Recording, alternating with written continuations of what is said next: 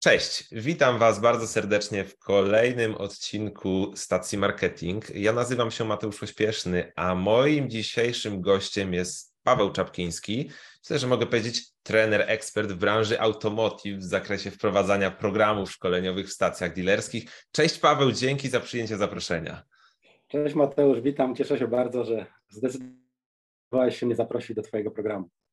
Super. Dzięki wielkie za Twój czas, za to, że jesteś z nami. E, na wstępie myślę, że możemy powiedzieć naszym e, gościom, naszym oglądającym, że takim tematem naszej dyskusji jest no coś, co myślę zawsze interesuje e, przedstawicieli stacji dealerskich, czyli pozyskiwanie klientów przez stacje dealerskie. Myślę, że w tych dynamicznych czasach jest to wątek, który no, zaprząta głowy wszystkich przedstawicieli stacji, no bo dobrze wiemy, że wyzwań obecnie na rynku jest dość sporo. Więc Paweł, jakbyśmy tak mogli zacząć, to skąd brać tych klientów na stacje dealerskie? No, to jest y, szeroki temat. Tutaj możliwości jest naprawdę wiele. Natomiast bardzo mnie cieszy w ogóle, że wnosisz ten wątek i w ogóle o tym mówisz, bo gdyby tak spojrzeć procesowo na ten temat, no to pozyskiwanie klienta jest takim pierwszym krokiem procesu. E, Jasne. I można powiedzieć, że e, najważniejszym krokiem, no bo jeśli tutaj nie nastąpi pozyskanie klienta, no to trudno mówić o realizacji dalszych kroków procesu.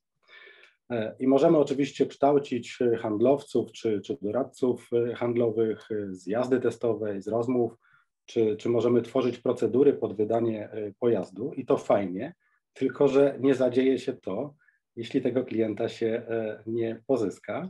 No tak. E, no więc e, mówiąc wprost, jest to najważniejszy krok i w zasadzie koniec jest na początku. Jeśli tutaj się nic nie zadzieje, no to nie mówimy dalej o realizacji procesu.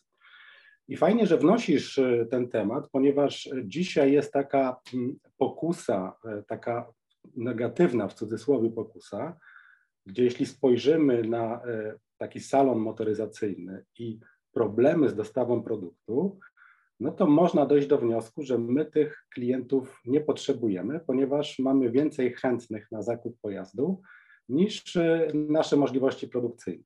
No tak. I ja już się spotykam z takim zjawiskiem i zagwozdką e, handlowców, jak teraz zarządzić swoimi klientami, no żeby ich utrzymać e, tutaj w tak zwanej gotowości, a jednocześnie no, y, uniknąć tych problemów z odmową sprzedaży produktu. Więc jest to zjawisko dość ciekawe i, i nowe y, tutaj w tej naszej branży motoryzacyjnej.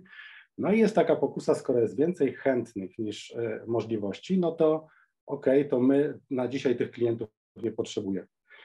No właśnie, bo, bo no. wejdę ci tutaj w słowo, no bo przeszliśmy taką długą drogę od momentu, w którym klient raczej przychodził do salonu mając już za sobą pewien research, więc on mniej więcej powiedzmy wiedział, czego chce. Ok, dalej dochodzi pewnego rodzaju doradztwo, ale właściwie to była kwestia pewnej transakcji, zamówienia, modelu, oczekiwania.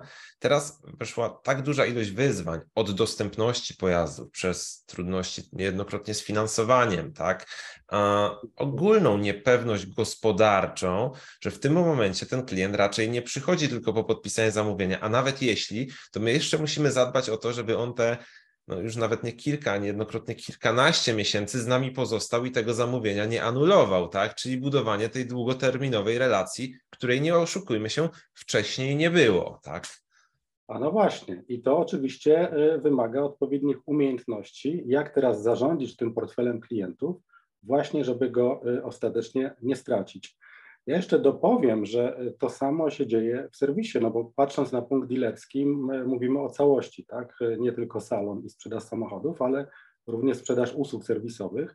I tu też jest taka negatywna pokusa, że jeśli są długie terminy oczekiwania i dajmy na to gwarantuje dopiero miejsce w grafiku za dwa tygodnie, no to powstaje pytanie, po co mi w zasadzie starać się i pozyskiwać tego klienta, jeśli ja go mam, tak? E, okay. Klient staje się nawet dzisiaj kłopotem, tak? Bo trudno mi jest odmówić, e, czy wizytę w salonie, czy też wizytę w serwisie, e, i z tego względu ich za dużo nie potrzebuję.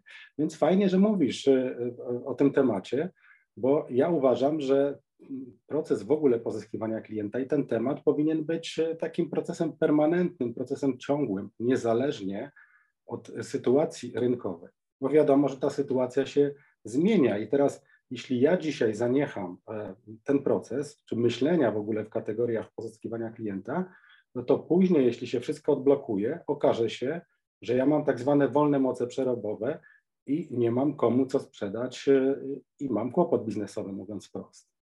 Okej. Okay. No właśnie, no to dobra, to o czym w takim razie powinniśmy pamiętać, albo jakie są takie elementy, o których najczęściej się zapomina, od których warto zacząć tą przebudowę, tak? Bo zmienia się myślenie, tak? O tym sobie już powiedzieliśmy. Wiemy, że w tym momencie musimy na tego klienta spojrzeć w inny sposób i czasami nie mamy dla niego miejsca wcześniej, nie mamy dla niego produktu w tym momencie, więc musimy utrzymać go dłużej. O czym należy pamiętać, rozpoczynając ten proces tej przebudowy, szkolenia zespołu, żeby dostosować go do tej sytuacji, nie tylko ze względu na trwające wyzwania, ale żeby on był gotowy do takiej kompleksowej obsługi i budowania tych relacji na co dzień, tak? Jasne. E, ja tutaj myślę e, ogólnie o takich trzech obszarach, e, jeśli chodzi o ten proces pozyskiwania klienta. Z jednej okay. strony mamy temat pozyskiwania nowego klienta. On powinien być procesem trwałym i zawsze wszystkie działania punktu dealerskiego powinny być ukierunkowane na to, żeby jednak tych nowych klientów przybywało. To jest Jasne. taki pierwszy obszar. Drugi obszar to na pewno jest e, aktywizacja e, nieaktywnych klientów, bo przecież punkty dealerskie funkcjonują na rynku od 20-25 lat i naprawdę mają bardzo sporą e, własną bazę klientów. I teraz pytanie, no na ile ta baza jest aktywna, a na ile nie. Więc tutaj jest też bardzo dobry obszar do popisu, żeby zaktywizować klientów, którzy z jakich względów e, no, postanowili sobie zrobić przerwę w kontakcie z naszym punktem dealerskim. No i trzeci obszar, e, o czym też bardzo często e, zapominamy, to jest utrzymanie już istniejących klientów, czyli to jest to, o czym Ty mówisz w tym momencie, czyli tworzenie takich procesów, procedur, czy, czy regulacji, czy wręcz zachowań na stacji dealerskiej, żeby spowodować, że ci klienci, którzy już są, i są aktywni wobec nas jako punktu dealerskiego, no również chcieli dalej e, być lojalni wobec nas, chcieli dalej do nas przychodzić, więc to jest również kolejny inny obszar e, działania i funkcjonowania punktu dealerskiego. Więc w zależności od tego, czego nam brakuje, czy tych nowych klientów, czy, e, czy mamy zbyt mało aktywnych klientów lub mamy słabą lojalność, bo to wszystko da się zmierzyć i sprawdzić przy dzisiejszej technologii, no to powinniśmy e, e, aktywizować te kierunki działań, ale niezależnie od tego myślę, że w takim programie procesu pozyskiwania klienta wszystkie te obszary powinny być cały czas odpalone, nawet nie odpalane, tylko odpalone i cały czas powinny funkcjonować.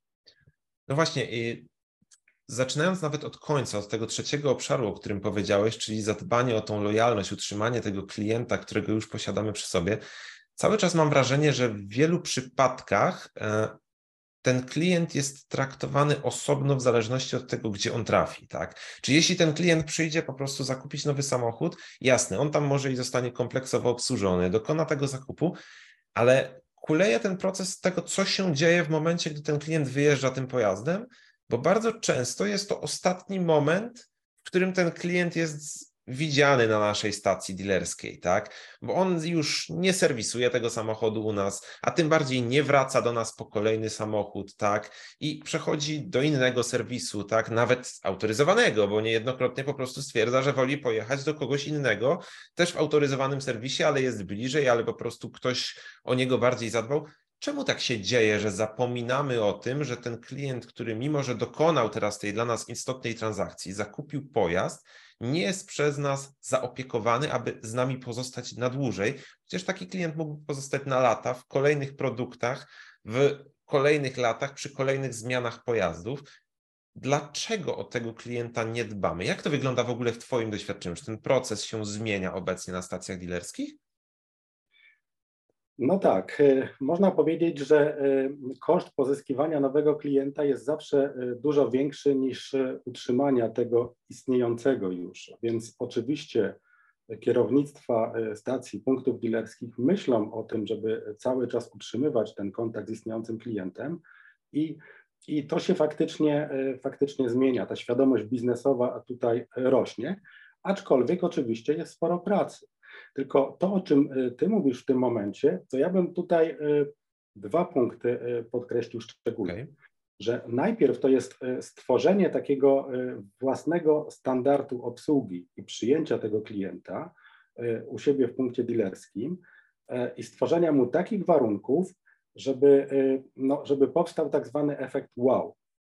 To znaczy, że jeśli on się pojawi w tym Twoim punkcie dealerskim, to y, poprzez obsługę, interwencję poszczególnych ludzi, w zasadzie wszystkich ludzi, od momentu wjazdu na taki parking y, do momentu wejścia i do momentu wyjścia, on poczuł się naprawdę y, dobrze, tak mówiąc kolokwialnie, lub, lub jak u siebie.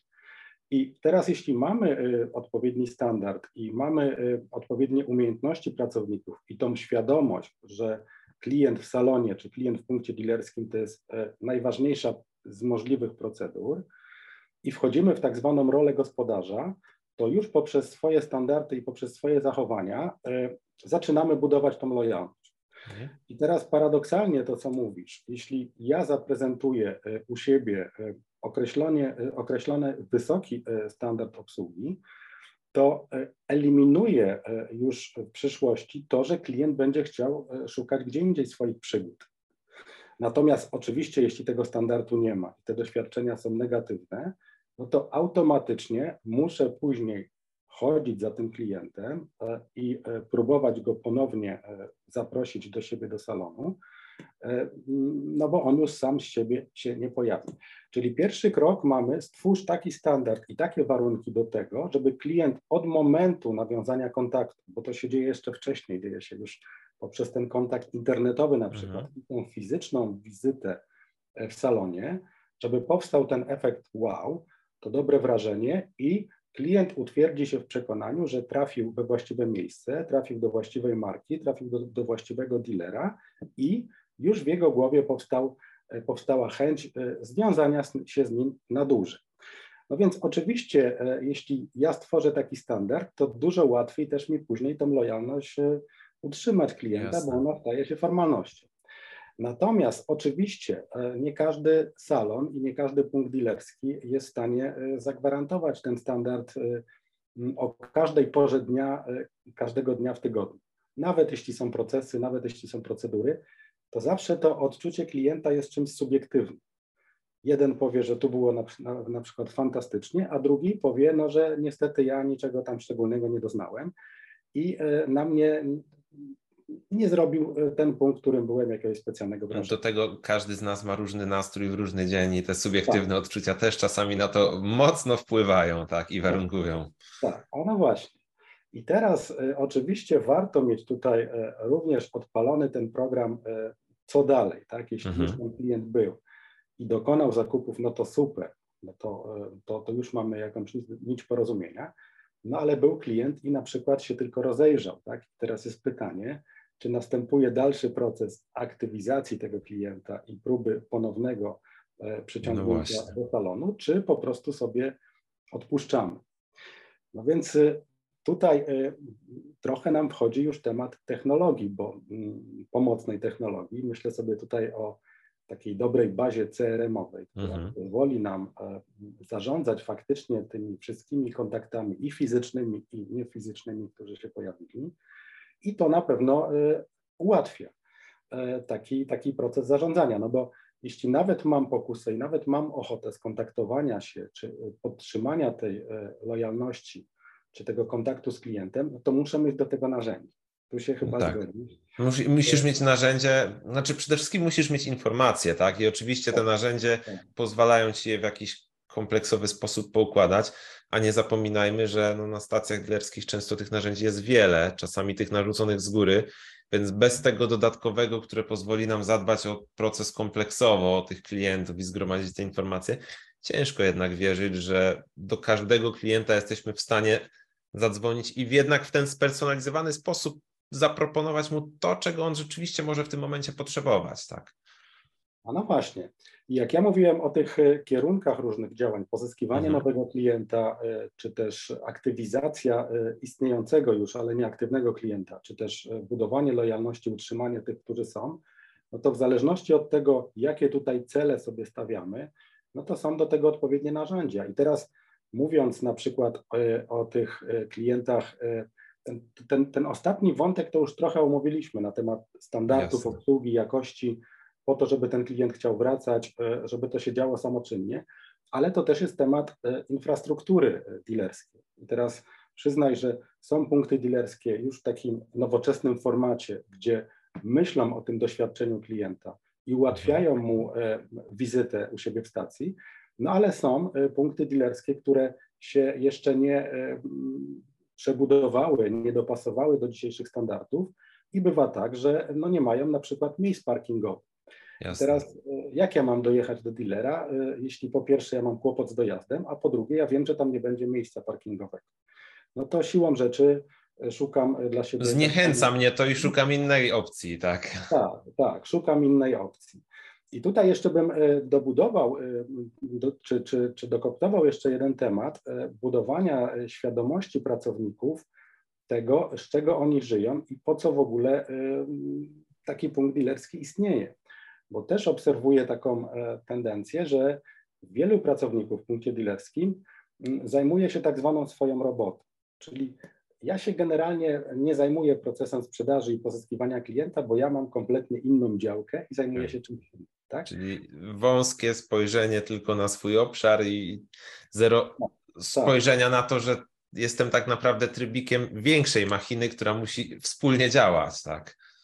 Tak, dokładnie tak.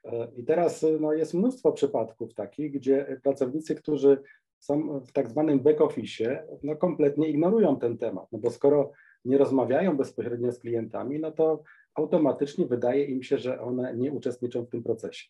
Natomiast ten back-office, który przygotowuje e, no, wiele narzędzi tym ludziom, którzy są na froncie, no również uczestniczy, może nie w bezpośredni sposób, ale pośredni w tym procesie. I jeśli to zaplecze będzie działało właściwie, no to też dużo łatwiej tym frontmenom będzie e, później e, spełnić ten standard, o czym mowa, bo ma komplet dokumentów na przykład, ma komplet informacji, może się przygotować i skoncentrować na tym bezpośrednim kontakcie.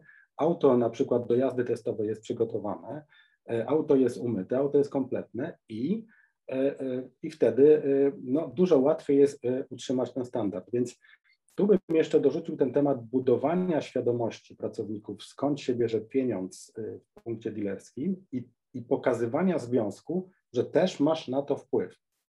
Czyli bierzesz udział bezpośrednio w procesie sprzedaży. Czyli generalnie zarówno zbudowanie tego wysokiego standardu, żeby zaprocentował, znaczy przede wszystkim, żeby klient go mógł zauważyć i miał jakieś wewnętrzne poczucie chęci powrotu, ale też zadbanie o to, że to, że ktoś pracuje, nie wiem, w obszarze finansowym wyłącznie, tak, czy w ogóle nie ma kontaktu z klientem, bo tak jak powiedziałeś, jest w działaniach tych back-office'owych, żeby miał jednak świadomość, że jego praca wpływa chociażby na pracę tych osób z przodu, tak, działających na froncie z klientem i no jednak ta praca może pomóc i wpłynąć na wspólny wynik, wspólny rezultat, nie? Ale czy pod to, czy to nie jest taki zawsze kluczowy element, no dobra, patrzę na to tylko za co mnie premiują, za co mnie wynagradzają, jednak czy to nie jest też taki istotny aspekt chociażby systemów premiowych, jak są konstruowane, żeby zmotywować tych ludzi do wspólnego działania? Pewnie tak. Jeśli oczywiście wynagrodzenie pracownika back-office'u nie ma związku z wynikami firmy, no to on rzeczywiście nie pokojarzy tych, tych, tych spraw powie, że jego rolą e, no, jest przerzucenie papierów e, z jednej kubki na drugą i z tego jest rozliczony.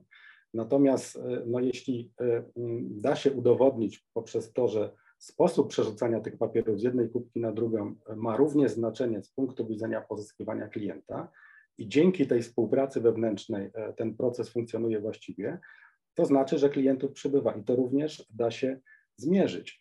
E, jako ciekawostkę Ci powiem, bo niedawno słyszałem taką informację. No, wyobraź sobie, że e, pytanie było e, dotyczące recepcji, za co Wy odpowiadacie tutaj pracując na recepcji. No i odpowiedź padła, my odpowiadamy za recepcję.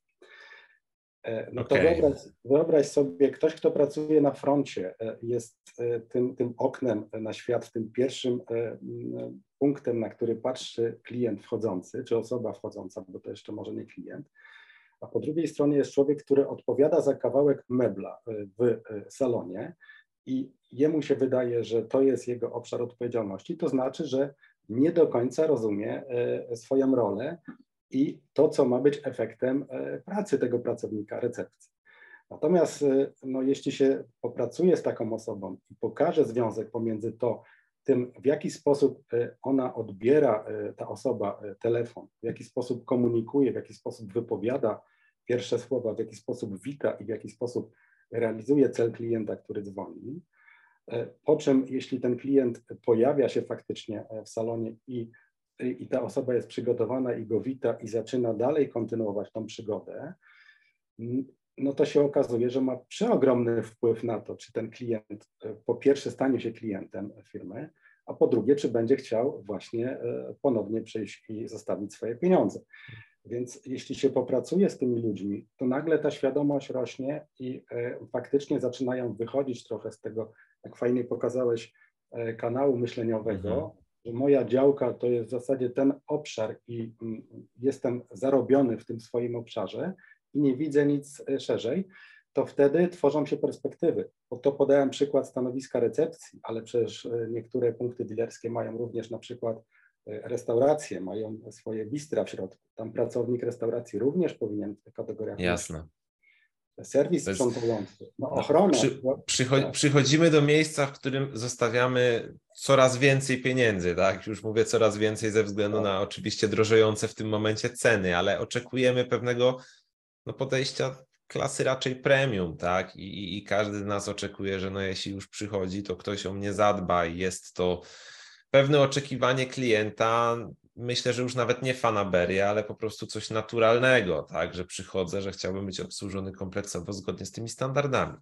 Ale wróćmy jeszcze do tego jednego wątku, o którym powiedziałeś wcześniej, ponieważ mówimy tutaj dużo o standardach, o zbudowaniu ich, o tym, żeby zbudować tą lojalność, ale zwróciłeś też uwagę na to, że jednym z takich obszarów, w których możemy pozyskiwać tych klientów, jest właśnie ta aktywizacja e, tej bazy, która powiedzmy gdzieś jest, ale jest nieobsługiwana. Tak? Jasne, to wymaga oczywiście wcześniejszej pracy, przygotowania narzędzi, informacji. No ale teraz wyobraźmy sobie sytuację, w której mamy dealera, który doszedł do wniosku, no tak, nie zadbaliśmy o to, a mamy te informacje o tych klientach, jak wrócić, jak zacząć ich aktywizować, ponieważ no, to niejednokrotnie jest kopalnia pieniędzy, tak mówiąc kolokwialnie, tak? Kopalnia dodatkowego przychodu dla firmy, który możemy odzyskać, jeśli tylko przemyślimy to, czy że nie jeśli sobie uświadomimy, o w ten sposób, jeśli sobie uświadomimy, że po prostu niewystarczająco zadbaliśmy o tą naszą dotychczasową bazę i czasami odpowiednie podejście do tych klientów, którzy do nas obecnie nie wracali, bo też im tego za bardzo nie umożliwialiśmy, nie zachęcaliśmy, pozwala nam poprawić w krótkim terminie te wyniki, no i zbudować jakiś proces na przyszłość. Jak zacząć ten proces? Ten proces, o którym mówisz, no to jest tym środkowym procesem faktycznie e, tak. aktywizacji, tak. więc tutaj na pewno e, takim podstawowym e, zasobem, który trzeba mieć, to trzeba mieć dobry CRM, tak mówiąc wprost. E, dobry CRM e, z takiego technologicznego punktu widzenia e, i łatwości obsługi, możliwości wyfiltrowania sobie wszystkich potrzebnych danych, choćby na przykład na temat tych aktywnych czy nieaktywnych klientów, przyjąć oczywiście odpowiednie kryterium, no i na tej podstawie sobie tworzyć pewne bazy, a, a pod te bazy tworzyć działania, które powodowałyby aktywizację tych klientów. Tylko punktem wyjścia jest właśnie e, jako narzędzie, jako system e, na pewno ten CRM i po drugie to, co w tym CRM-ie jest. Bo moja perspektywa jest długa, bo ja w, tym, e, w tej branży automotive pracuję już ponad 20 lat, więc pamiętam tematy handlowe czy handlowców, którzy mówili, że no im CRM nie jest do niczego potrzebny, bo mają własny telefon, mają własny notes, a CRM wypełniali sobie tylko na potrzeby tak zwane proceduralne. Tak, teraz, bo, bo, bo, ktoś od nas tego wymagał tak, i trzeba tam te informacje tak, umieścić. Tak, trzeba umieścić. I teraz, y, jeśli te informacje są nieprawidłowe, te informacje są niewłaściwe, no to faktycznie jakość takiej bazy danych jest dość słaba, no bo nawet podjęcie jakiejkolwiek próby okazuje się, że adresy mailowe nieaktualne, numery telefonów nieaktualne, nazwy firm nieaktualne, nawet poprzekręcane imiona i nazwiska tych klientów, bo były, byli błędnie powpisywani, no, powoduje faktycznie pewnego rodzaju kłopot. ale dajmy na to, uporządkował sobie dealer tą bazę, dajmy na to, wyfiltrował tych klientów, zdefiniował, że mamy parę tysięcy potencjalnych klientów, którzy już od dawna nie byli, no więc warto ich teraz zaktywizować. No to oczywiście tutaj do tego są potrzebne inne zasoby, a mianowicie takie kompetencje stricte sprzedażowe. Jasne. Teraz fajnie, jeśli handlowiec posiada takie kompetencje i e, byłby skłonny wykonać taki kontakt do klienta e, przypominający, ale też oczywiście e, w sensie powodu, no bo musi mieć powód, żeby zadzwonić do takiego klienta i skontaktować się. To jest jakby jeden obszar. A z drugiej strony no, mogą to robić już wyspecjalizowane działy, w których na przykład jest tak zwany dział Business Development Center, gdzie są ludzie coraz lepiej wykształceni i wyspecjalizowani, e, w, w kontaktowaniu się z tak zwaną e, bazą klientów. I to również e, no, jest fantastyczny zasób, bo powoduje, że po pierwsze ta baza się prostuje i okazuje się, że z tych kilku tysięcy rekordów nagle udało nam się pozyskać potencjalnie tysiąc tak zwanych leadów, no mhm. to już jest dalszy, y, to już jest dalszy obszar do dalszej pracy e, w celu e, dalszych kontaktów z tym klientem i tworzenia dla nich e, konkretnie oferty mm, no, na bazie tego, co udało się ustalić w tym tak zwanym pierwszym kontakcie. Więc tych, tych, tych działań tutaj jest naprawdę sporo, tylko no, wymaga to już, jak powiedzieliśmy wcześniej, odpowiedniego narzędzia, a teraz po drugie odpowiednich umiejętności, żeby nawiązać kontakt z klientem i tak przeprowadzić ten pierwszy kontakt, żeby on był zachęcający. No i oczywiście trzeba mieć też w konsekwencji e, ofertę, którą. E, no jasne. Którą Jesteśmy w stanie tutaj przedstawić i zaproponować. Tak, jasne. Tak, tak. tak. Okej. Okay. To mamy dwa obszary omówione. Oczywiście pobieżnie, bo każdy przypadek jest inny, ale mamy te standardy, mamy aktywizację tej bazy, którą e, gdzieś tam odkładamy mniej lub bardziej uporządkowaną, ale powiedzmy jesteśmy w stanie wrócić do tego procesu, tak jak powiedziałeś, trochę na bazie narzędzi, na bazie ludzi, czyli kompetencji, no i na bazie oczywiście odpowiedniego procesu. Na to wszystko musi wejść też odpowiednia oferta, którą posiadamy dla tego klienta.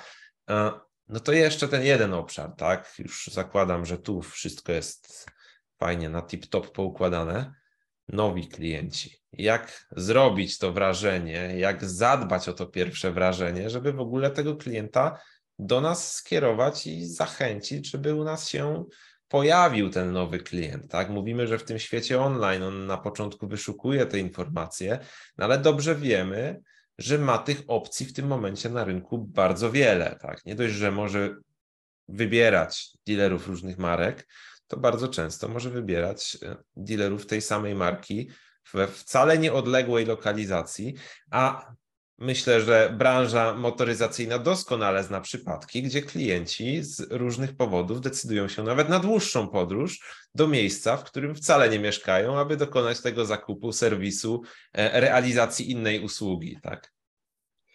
Zdecydowanie tak. E, no, faktycznie wchodzimy w ten trzeci obszar, który jest no, mojego punktu widzenia, czy też tak wynika z naszej dyskusji, obligo, czyli ten program pozyskiwania klientów, nowych klientów cały czas powinien być odpalony.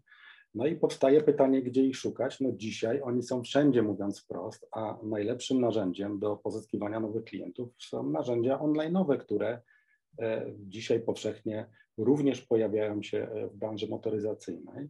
No i tutaj mamy e, temat, no pierwszy temat w ogóle cyfryzacji całego procesu, e, procesu sprzedaży czy procesu pozyskiwania klienta, który zaczyna się na pewno od dobrze zbudowanej strony internetowej, ale pod kątem mm, nie tylko takim wizerunkowym, że jest fajna strona, ale ona przybiera taki charakter sklepu, e-sklepu, gdzie faktycznie można dokonać zakupu i stworzenie teraz takiego procesu w ramach tej strony, który ułatwiłby e, dokonanie zakupu, bo jeśli mówimy o procesie e, zakupu czy procesie sprzedaży w branży motoryzacyjnej, to mówimy o siedmiu krokach, to jest powszechnie znane. Natomiast jeśli mówimy o takim e-procesie, to on się skraca praktycznie no, do minimum, czyli jest oferta, jest formalizacja i jest, jest odbiór tak, tego produktu. Więc tu jest całe pole do popisu dla punktów dealerskich do tego, żeby te swoje witryny mm, tak zmodyfikować, żeby one miały charakter sklepu i można było dokonać zakupów niemalże jak w sklepie internetowym, czyli wrzucić do koszyka. To jest jedna rzecz. A druga rzecz, no jeśli ja mam wątpliwości na tym etapie poszukiwania produktu czy usługi dla siebie i chcę nawiązać kontakt, to ta strona internetowa musi mi stworzyć e, możliwość nawiązania takiego kontaktu.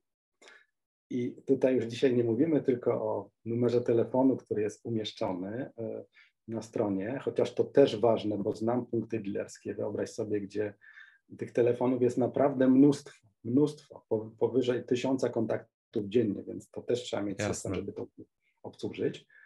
E, nie mówimy tylko o mailu, ale mówimy o e, również automatycznych narzędziach, które pozwalałyby obsłużyć tego zainteresowanego mm, także poza godzinami pracy choćby. Oczywiście. No więc jeśli ktoś decyduje się na tworzenie sklepu internetowego w rozumieniu branży motoryzacyjnej i faktycznie chce być aktywny 24 na dobę, to również powinien stworzyć narzędzia, które pozwalałyby tym klientom potencjalnie zainteresowanym nawiązać kontakt, zostawić swoje dane.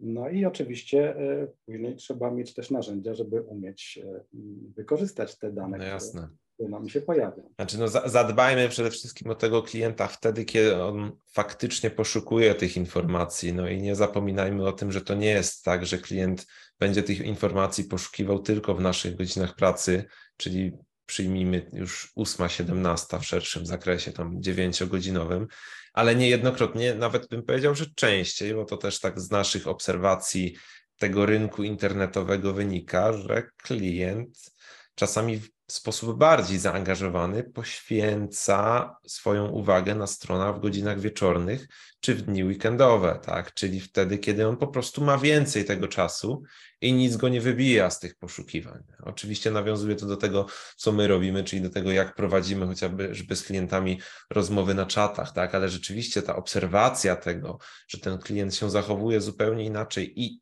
ma tak samo istotne pytania w godzinach, po godzinach pracy, standardowych godzinach pracy salonu, to już jest jednak zrobienie tego pierwszego wrażenia i zadbanie o to, że ten klient raczej z nami jest większa szansa o, że z nami pozostanie, jeśli oczywiście odpowiednio będziemy kontynuować ten kontakt chociażby w kolejnych dniach. Tak? Oczywiście, że tak. E, tutaj muszę Ci powiedzieć, że ja mam również oprócz branży motoryzacyjnej inne doświadczenia i absolutnie potwierdzam to, co e, mówisz, że e, szczególna aktywizacja w tym, w tym całym rynku e-commerce jest po tak zwanych godzinach e, pracy. Tak. Nie ma znaczenia piątek, świątek, sobota, niedziela czy godziny nocne.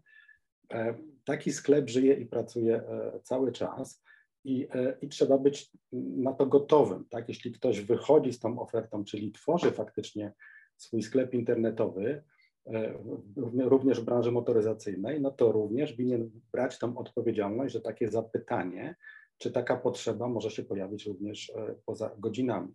I to jest, e, i to jest ciekawe, bo z jednej strony mamy no, bardzo fajne działy marketingu i e-marketingu, które też działają specjalnie na w charakterystyczny dla siebie sposób i napędzają tą potencjalną falę klientów, tworzą kampanie, E, a z drugiej strony, no pytanie, czy dealer jest gotowy na to, żeby później obsłużyć tą kampanię, tak. czyli zwiększony ruch i tę zwiększoną ilość zapytań, czy ma narzędzia do tego, żeby wszystko wychwycić i, e, e, i przeprocesować, no to również jest pole do popisu dla takiego dealera, bo mówię, marketingowcy mają dużo bardzo fajnych pomysłów i, i, i to jest super rzecz, super sprawa. No natomiast pytanie, czy, czy pozostałe działy, czy infrastruktura IT jest gotowa do tego, żeby właśnie podjąć tą, tą współpracę. I myśląc tutaj o tym procesie pozyskiwania nowego klienta, myślę, że właśnie należy rozbudowywać e, również e, te, te, te swoje zasoby i możliwości obsługi klienta. No, niekoniecznie bezpośrednio, ale przecież mamy obszary, gdzie klient może się sam obsłużyć, jeśli dostanie odpowiedni formularz, informacje, e, czy, czy też e, nawet e, chatbota, który też mu udzieli informacje czy odpowiedzi na, na podstawowe zapytania. No tu Więc... się pojawia też ta kwestia chociażby tej kompleksowości, tak? To o czym mówisz, że marketing tak. przygotowuje niejednokrotnie interesującą kampanię, która ściągnie ten ruch, ale jeśli my w tym czasie nie zadbamy o chociażby dwa podstawowe pozostałe obszary, czyli o to, żeby doradcy przede wszystkim mieli informację, że taka ta kampania trwa i będzie wzmożona ilość zapytań, i teraz tak. trzeba się przygotować na to, jak klienta z tych zapytań obsłużyć. To jest jeden aspekt, o który no, musimy zadbać przed startem kampanii. No a drugi, to co powiedziałeś, czyli kwestia wzmożonego ruchu. Tak? Dobrze wiemy, że te kampanie, szczególnie jeśli są dobrze zorganizowane, dobrze sprofilowane, dobra grupa docelowa jest dobrana do tego komunikatu, do tej kreacji, potrafią wykreować naprawdę wysoki ruch. No i tak. zaczyna się problem, jeśli ten, tego ruchu nie jesteśmy w stanie obsłużyć i odpowiedzieć w krótkim czasie, tak? Bo ten klient nie będzie czekał na naszą odpowiedź kilka dni, tak? On niejednokrotnie oczekuje tej odpowiedzi tego samego dnia, najpóźniej kolejnego, tak? Ale jeśli my o to nie zadbamy odpowiednio szybko, to no tak naprawdę nie oszukujmy się, ale po prostu przepalamy swoje pieniądze, tak? I nawet najlepsza kampania, która wzbudzi jakieś zainteresowanie i może gdzieś tam zostanie z tyłu głowy, może spowodować, że ten klient ostatecznie no, nie dostał tej oferty tutaj, pójdzie do konkurencji, bo bardzo często jest w stanie dostać dokładnie to samo w konkurencyjnym salonie, tak? No zdecydowanie tak.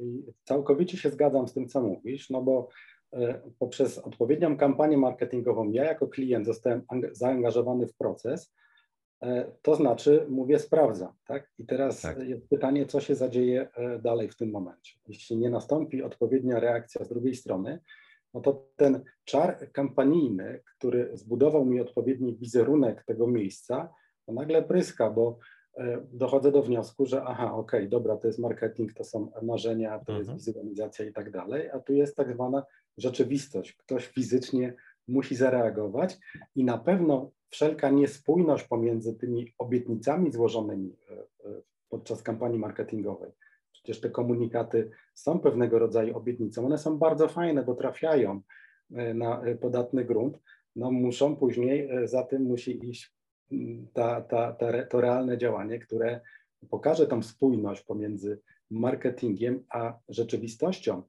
I teraz mamy właśnie drugi proces, proces wewnętrzny, na ile marketing czy e-marketing współpracuje z działem na przykład handlowym albo działem serwisu i czy obydwa działy no, wiedzą o tym, co się dzieje w danym momencie. I teraz znowuż wychodzimy do, wracamy do punktu wyjścia. Jeśli wszyscy punkcie dealerskim odpowiadaliby za proces pozyskiwania klienta, no to wtedy y, dużo łatwiej też byłoby zbudować te ścieżki wewnętrzne, y, mm, powodujące, że mm, te kampanie byłyby po pierwsze we właściwym czasie, a po drugie odbiorcy tych kampanii, czy, czy możliwi beneficjenci, czy osoby obsługujące ten ruch, no byłyby również przygotowane, w jakiej sprawie była kampania, co jest tam główną intencją, jakie było hasło reklamowe, jakie tam obietnice zostały złożone, do kogo była ta kampania. No i pracownik wręcz musi czekać na, e, na, na ten ruch, a nie e, pójść w swoją działkę i powiedzieć, ja jestem zarobiony, tak, bo ja obrabiam tutaj swoje tematy. Tak.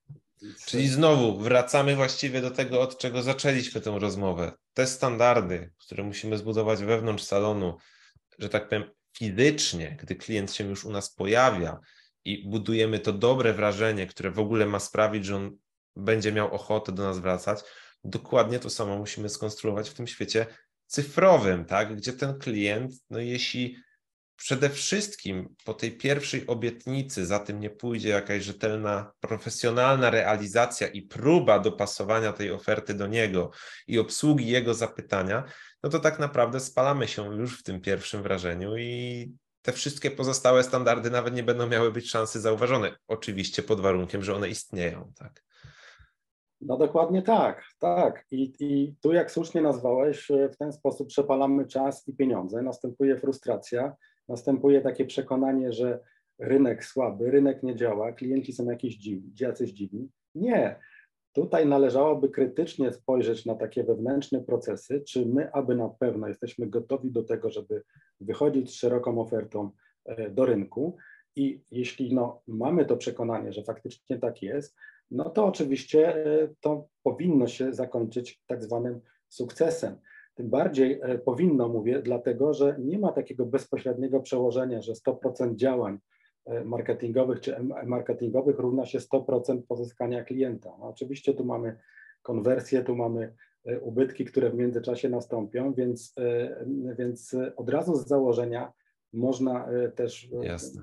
takie wskaźniki przyjąć, że, że jakiś procent tych działań przyniesie skutek, ale mm, żeby ten jakiś procent przyniósł odpowiedni skutek, to te wewnętrzne procesy, ta gotowość wszystkich szczebli e, no, musi być no, przygotowana. To wszystko musi działać ze sobą.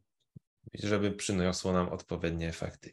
Pawle, bardzo dziękuję Ci za tą szeroką pigułę wiedzy. Podejrzewam, że moglibyśmy tutaj bardzo długo ten temat jeszcze rozciągać na wszystkich płaszczyznach. Chciałbym, żebyś na koniec powiedział, gdzie najlepiej Cię szukać, gdzie zgłębiać tę wiedzę, jeśli ktoś chciałby nawiązać kontakt, pogłębić te informacje, a być może zaangażować Ciebie w przebudowę procesu, w y, rozwój swojej kadry, tak, aby spełniała te elementy, o których tutaj mówiliśmy. Jak się z Tobą skontaktować, gdzie Cię szukać?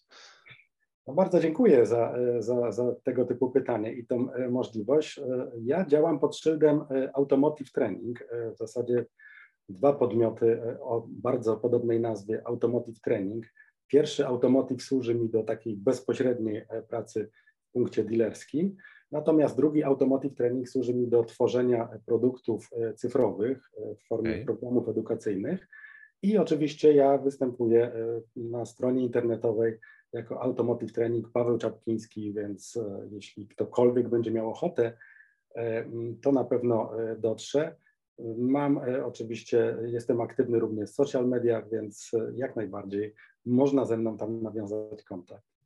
Super, świetnie. Podlinkujemy też w notatkach do odcinka, na stronie odcinka, jak się z Tobą najszybciej skontaktować. Mam nadzieję, że daliśmy tutaj wartość naszym odbiorcom, słuchaczom i zainspirowaliśmy do przynajmniej takiego wstępnego przemyślenia, zaudytowania swoich działań i być może rozpoczęcia wprowadzania procesu zmian w poszczególnych obszarach. Dzięki wielkie, Paweł, za Twój czas, za rozmowę i za podzielenie się swoją wiedzą i doświadczeniem. Bardzo dziękuję Mateusz. Wszystkiego dobrego. Zastanawiasz się, jak zwiększyć sprzedaż na stronie i nawiązać kontakt z klientem? Bądź tam, gdzie on dzięki profesjonalnej obsłudze firmowego czata. To jeden z najważniejszych kanałów komunikacji w sieci. Bespoke Chat, Twój dodatkowy dział sprzedaży.